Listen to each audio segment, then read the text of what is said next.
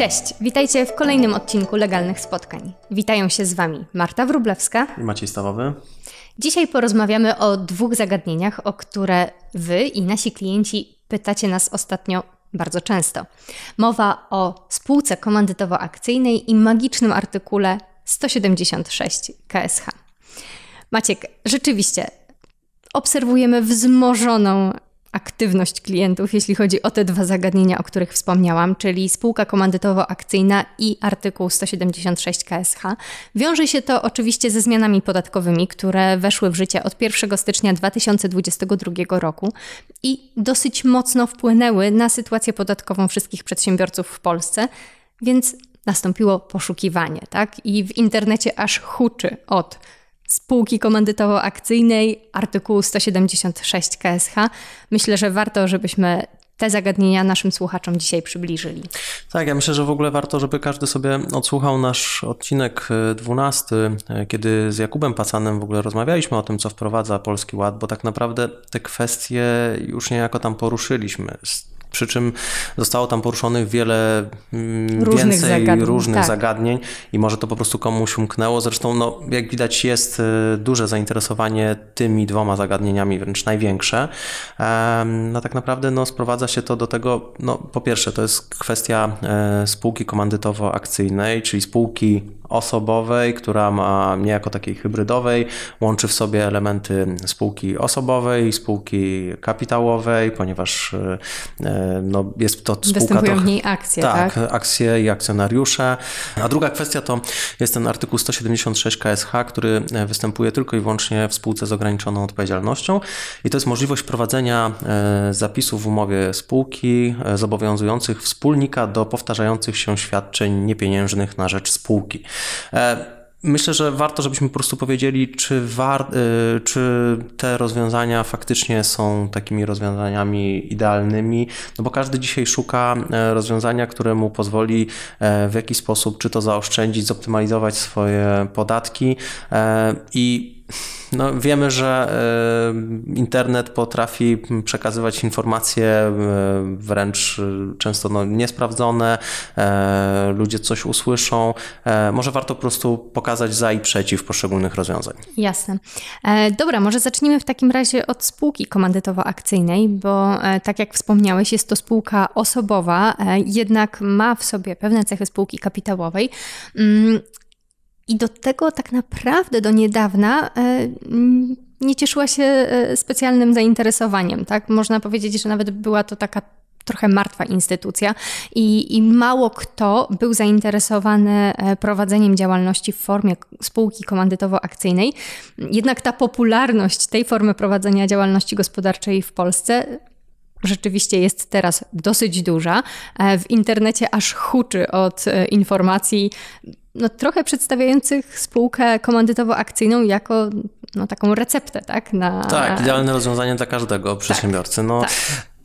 Przy czym właśnie tak jak powiedziałeś, do niedawna w ogóle większość ludzi nie wiedziała, że taka spółka w ogóle istnieje. No, taki dziwny twór, czy komandytowa, czy akcyjna, no co, e, ludzie nie byli w ogóle tym zainteresowani, no bo i po co, bo... No właśnie, no to skąd teraz ta tak, popularność? No, natomiast e, tak naprawdę no, wynika to właśnie z tego, że weszły w życie przepisy dotyczące Polskiego Ładu, a mm, komplementariusz e, spółki komandytowo-akcyjnej nie jest zobowiązany do e, zapłaty składki składki ZUS-owskiej, jak i nie jest objęty składką na ubezpieczenie zdrowotne. I wynika to wprost z brzmienia przepisów ustawy o zabezpieczeniu społecznym, e, która wymienia e, podmioty, które są uznawane za przedsiębiorcę. E, Dla celów tych składkowych. Tak, tak. tak. E, czyli po prostu osoby zobowiązane do uiszczenia składek na ubezpieczenie społeczne i składki e, zdrowotnej. No i ustawa wymienia wprost wspólników spółek osobowych, udziałowca w jednoosobowej spółce ZO, komplementariusza w spółce komandytowej i milczy na temat e, komplementariusza w spółce komandytowo-akcyjnej. Czyli różnica między spółką komandytową a komandytowo-akcyjną, gdzie komplementariusz powiedzmy, że ma jego rola i jakby jest pozycja podobna. jest identyczna mhm. wręcz prawie, że no na gruncie podatków, e, a w zasadzie może nie tyle podatków, co na gruncie e, ubezpieczeń społecznych jest diametralnie się różni. No i z tych powodów no wydaje się to rozwiązanie wręcz idealne, no bo czemu nie? No, po prostu na Będzie pierwszy rzut oka wydaje... płacić tak, mniej, tak? Dokładnie, więc to jest zupełnie zrozumiałe, że przedsiębiorcy chcą się pochylić nad takim rozwiązaniem. No tak, tylko że to jest właśnie ta jedna strona medalu, a druga strona medalu to jest kwestia e, samej osoby komplementariusza, bo żeby rzeczywiście skorzystać e, z tego rozwiązania i tej korzyści podatkowej, to komplementariuszem musi być osoba fizyczna, tak? A znana jeszcze do niedawna, zanim został wprowadzony CIT, czyli podatek dochodowy od osób mm, prawnych e, w spółce komandytowej i komandytowo-akcyjnej, mm, optymalizacja podatkowa polegała na tym, że powstawała spółka z ograniczoną odpowiedzialnością, spółka komandytowa, gdzie tym komplementariuszem, który ponosił pełną odpowiedzialność za zobowiązania spółki, była spółka z ograniczoną odpowiedzialnością, tak? I w tym momencie to jest jakby coś, co wielu osobom umyka, czyli kwestia odpowiedzialności, bo jeżeli komplementariuszem będzie osoba fizyczna, to ona ponosi pełną odpowiedzialność za zobowiązania spółki. Mm, I tutaj e, nie możemy e, porównywać rozwiązania w postaci, nie wiem, przekształcenia czy założenia spółki komandytowo-akcyjnej z tym rozwiązaniem, które jeszcze kilka lat temu e, funkcjonowało jako mm, znana optymalizacja podatkowa, czyli spółki z ograniczoną odpowiedzialnością spółki komandytowej, bo tamtym komplementariuszem była spółka z ograniczoną odpowiedzialnością. Tak więc udawało się zabezpieczyć tę odpowiedzialność, tak, ograniczyć ją mm, do minimum. Natomiast e, to jest myślę, że coś, co wielu osobom ucieka i e, kwestia tej odpowiedzialności komplementariusza, który odpowiada w pełni całym swoim majątkiem za zobowiązania spółki komandytowo-akcyjnej jest niezwykle ważna i, i musi być wzięta pod uwagę. Nie tylko ta korzyść mm, składkowa, można to nazwać, tak? Ale też kwestia odpowiedzialności, bo jeżeli mm, e, no, nie wszędzie po prostu takie rozwiązania będą e, mogły się sprawdzić. Każdy musi indywidualnie ocenić, czy w ramach planowanego e, przedsięwzięcia godzi się na to ryzyko związane z pełną odpowiedzialnością po stronie komplementariusza.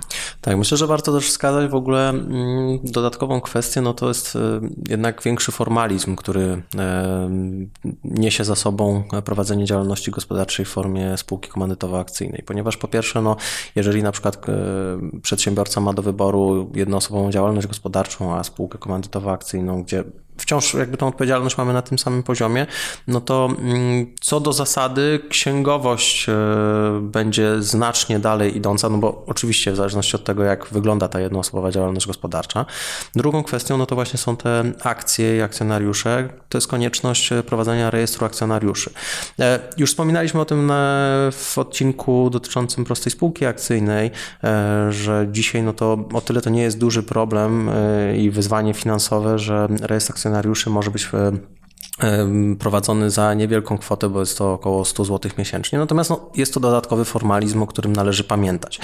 E, natomiast e, myślę, że taką bardzo istotną e, kwestią, którą, na którą muszą zwrócić uwagę przedsiębiorcy, którzy dotychczas prowadzili działalność w formie spółki ZO, a takich jest bardzo dużo, którzy chcą na przykład, zastanawiają się nad tym, czy nie iść w kierunku spółki komandytowo-akcyjnej i przekształcenia spółki ZO w komandytowo-akcyjną, no to jest przepis artykułu 119a ordynacji podatkowej, to jest klauzula generalna dotycząca unikania opodatkowania. Nie wchodząc może jakby w samą treść przepisu, bo to nie ma sensu, myślę, że najprościej to pokazać na przykładzie. E, czy gdybyśmy żyli w świecie bez podatków, czy przedsiębiorca, który do tej pory prowadził e, działalność w formie spółki ZO, e, zdecydowałby się na przekształcenie w spółkę komandytowo-akcyjną, gdyby nie było podatków? Czyli inaczej, czy wziąłby na siebie tą pełną odpowiedzialność? ta sytuacja wydaje się tak, no i właśnie tutaj, i tutaj właśnie pojawia się pytanie, czy organy podatkowe nie będą kwestionować e, tego typu działań. Nie znamy odpowiedzi na to pytanie, e, tak, po prostu wskazujemy ryzyko, bo no, bardzo dużo podmiotów się w ten sposób dąży do tego, żeby właśnie przekształcić e, spółkę ZO w komandytową akcyjną. Zupełnie inaczej przedstawia się sytuacja, jeżeli ktoś, jest, ktoś zakłada nowy podmiot. No, czemu nie? Ma taką możliwość, przepisy na to pozwalają, to jest zupełnie inna sytuacja. Natomiast e, są podmioty, które zdążyły się przekształcić przed wejściem w życie e, przepisów Polskiego Ładu. To jest zupełnie inna sytuacja. Mówimy o tym, co jest tu i teraz. Weszły w życie nowe przepisy i przedsiębiorca zmienia formę prowadzenia działalności gospodarczej trzeba to w jakiś sposób uzasadnić. Powiem szczerze, mm, no nie wiem, czy na przykład y, jest łatwe do znalezienia uzasadnienie tego, że ktoś faktycznie do tej pory prowadząc spółkę ZO, która jest znana w obrocie, jest podmiotem, który wiadomo, jakby łączy się z ograniczoną odpowiedzialnością gospodarczą, no ale jest podmiotem, z którym wszyscy mamy do czynienia, nagle przekształca się w spółkę komandytowo-akcyjną, która do tej pory nie była znana, trochę dzisiaj e, przypina się jej łatkę właśnie takiego odejścia od, nie wiem, optymalizacji podatkowej i tylko i wyłącznie po to tworzenia tego e, podmiotu. No, czy jesteśmy w stanie uzasadnić, a jeżeli tak, no to jak, przed, e, w razie ewentualnej e, kontroli później, tak. dlaczego do tego doszło? Kolejną rzeczą, o której też myślę, że warto pamiętać, no to jest to, że po prostu te przepisy e, weszły w życie. E, jak już mówiłem, są wymienieni poszczególni, e, poszczególni przedsiębiorcy, którzy są oskładkowani komplementariusz spółki komandytowo-akcyjnej nie jest wymieniony. Natomiast nikt nie zna odpowiedzi na pytanie, czy te przepisy się po prostu nie zmienią. Czy to nie jest tylko i wyłącznie niedopatrzenie ustawodawcy, czy to było celowe działanie. Nie znamy na to odpowiedzi. W związku z czym no, myślę, że warto mieć to na uwadze. Po prostu. Tak. To tak naprawdę wniosek jest taki, żeby e, każdy indywidualnie ocenił swoją sytuację, jeżeli potrzebuje, żeby zgłosił się na taką konsultację, żeby po prostu sprawdził, czy w jego sytuacji e, to rozwiązanie ma sens, tak? No bo e, czy, czy w jego e, sytuacji będzie w stanie przyjąć na siebie tę pełną odpowiedzialność za zobowiązania spółki, czy to się będzie po prostu kalkulowało, bo to, Jakie będą konsekwencje podatkowe, to jest jedno, ale dwa, no to są te konsekwencje prawne, o których e, wspomnieliśmy. Okej, okay, w porządku. Myślę, że jeśli chodzi o spółkę komandytowo-akcyjną, to, to gdzieś tam udało nam się ten problem zarysować, więc może przejdźmy do drugiego z pomysłów, czyli tego artykułu 176 e, KSH. Do czego w ogóle odnosi się ten przepis? Bo ja mam wrażenie, że w internecie jest jakby wymiennie to wszystko się pojawia. SKA 176 KSH. E, no, to jest, tak jak już wspomniałem wcześniej, e, artykuł 176 KSH dotyczy powtarzających się świadczeń niepieniężnych wspólnika na rzecz spółki. E, dotyczy to tylko i wyłącznie e, spółki ZO i mm, tak naprawdę no, mm, trzeba zwrócić uwagę na to, że to nie jest takie rozwiązanie, które z automatu gdzieś tam można sobie wprowadzić, ponieważ najważniejsze to trzeba po prostu dokonać zmiany umowy spółki. To jest podstawowa kwestia. Druga rzecz, E, ponieważ wiemy, że bardzo wiele podmiotów e, spółkę ZO e, założyło i w dalszym ciągu prowadzi niejako w tej formie mm, S24, w formie elektronicznej przy wykorzystaniu wzorca. Niestety, ale system teleinformatyczny nie wprowadza możliwości na to, aby dokonać takiej zmiany umowy spółki, żeby wprowadzić zapisy dotyczące artykułu 176 KSH. Wejdę Ci tu tylko w słowo, to w takim razie, jeżeli ktoś, kto ma spółkę mm, założoną przez przez internet będzie chciał e, wprowadzić artykuł 176 KSH, no to będzie musiał przejść na formę tradycyjną zmian w spółce, tak? I to nie tylko w kontekście tej jednej zmiany, ale też na przyszłość, bo jeżeli już raz zmienimy spółkę założoną przez internet u notariusza, no to po prostu potem zostaje już tylko nam ta forma tradycyjna. Tak, natomiast no, to nie znaczy, że nie warto tego rozważyć, rozważyć bo tak samo jak w przypadku spółki komandytowo-akcyjnej, no to jest e, każdy, każdy, każda sytuacja należy po prostu na każdą sytuację patrzeć e, indywidualnie. Nie ma właśnie idealnego rozwiązania dla e, wszystkich, bo gdyby tak było, to wszyscy by mieli albo spółkę ZO, albo komandytowo akcyjną, albo w ogóle jeszcze inny twór.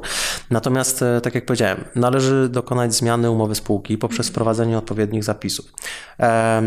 I umowa spółki musi skonkretyzować, jakie to będą świadczenia. To jest ich rodzaj i zakres.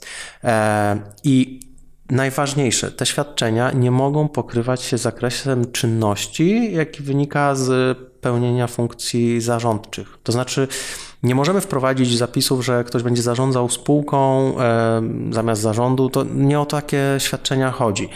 E, tu chodzi o świadczenia niepieniężne, które no, dotyczą Często... zupełnie innych e, tak, no, kwestii. No, przykładem może być, nie wiem, marketing albo reklama, tak? No tak, to są takie tak. usługi w zakresie, jeżeli ktoś, nie wiem, pasjonuje się dodatkowo um, pozycjonowaniem, tak, no to może świadczyć na rzecz spółki usługi w tym zakresie. Tak? tak.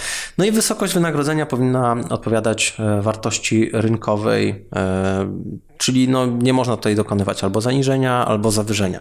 Natomiast ja myślę, że warto też zwrócić tak uwagę na mm, kwestię, y, o której y, można sobie zapomnieć. To znaczy, bo to też wydaje się takie bardzo proste, że do tej pory y, rozwiązaniem była, było powołanie członka zarządu, który był wspólnikiem i on otrzymywał wynagrodzenie z powołania, bo może w ogóle jakby też wróćmy do tego, dlaczego ludzie właśnie decydują się na to, żeby w ten sposób zmieniać umowę spółki, bo Jasne. No bo chodzi o podatki po prostu.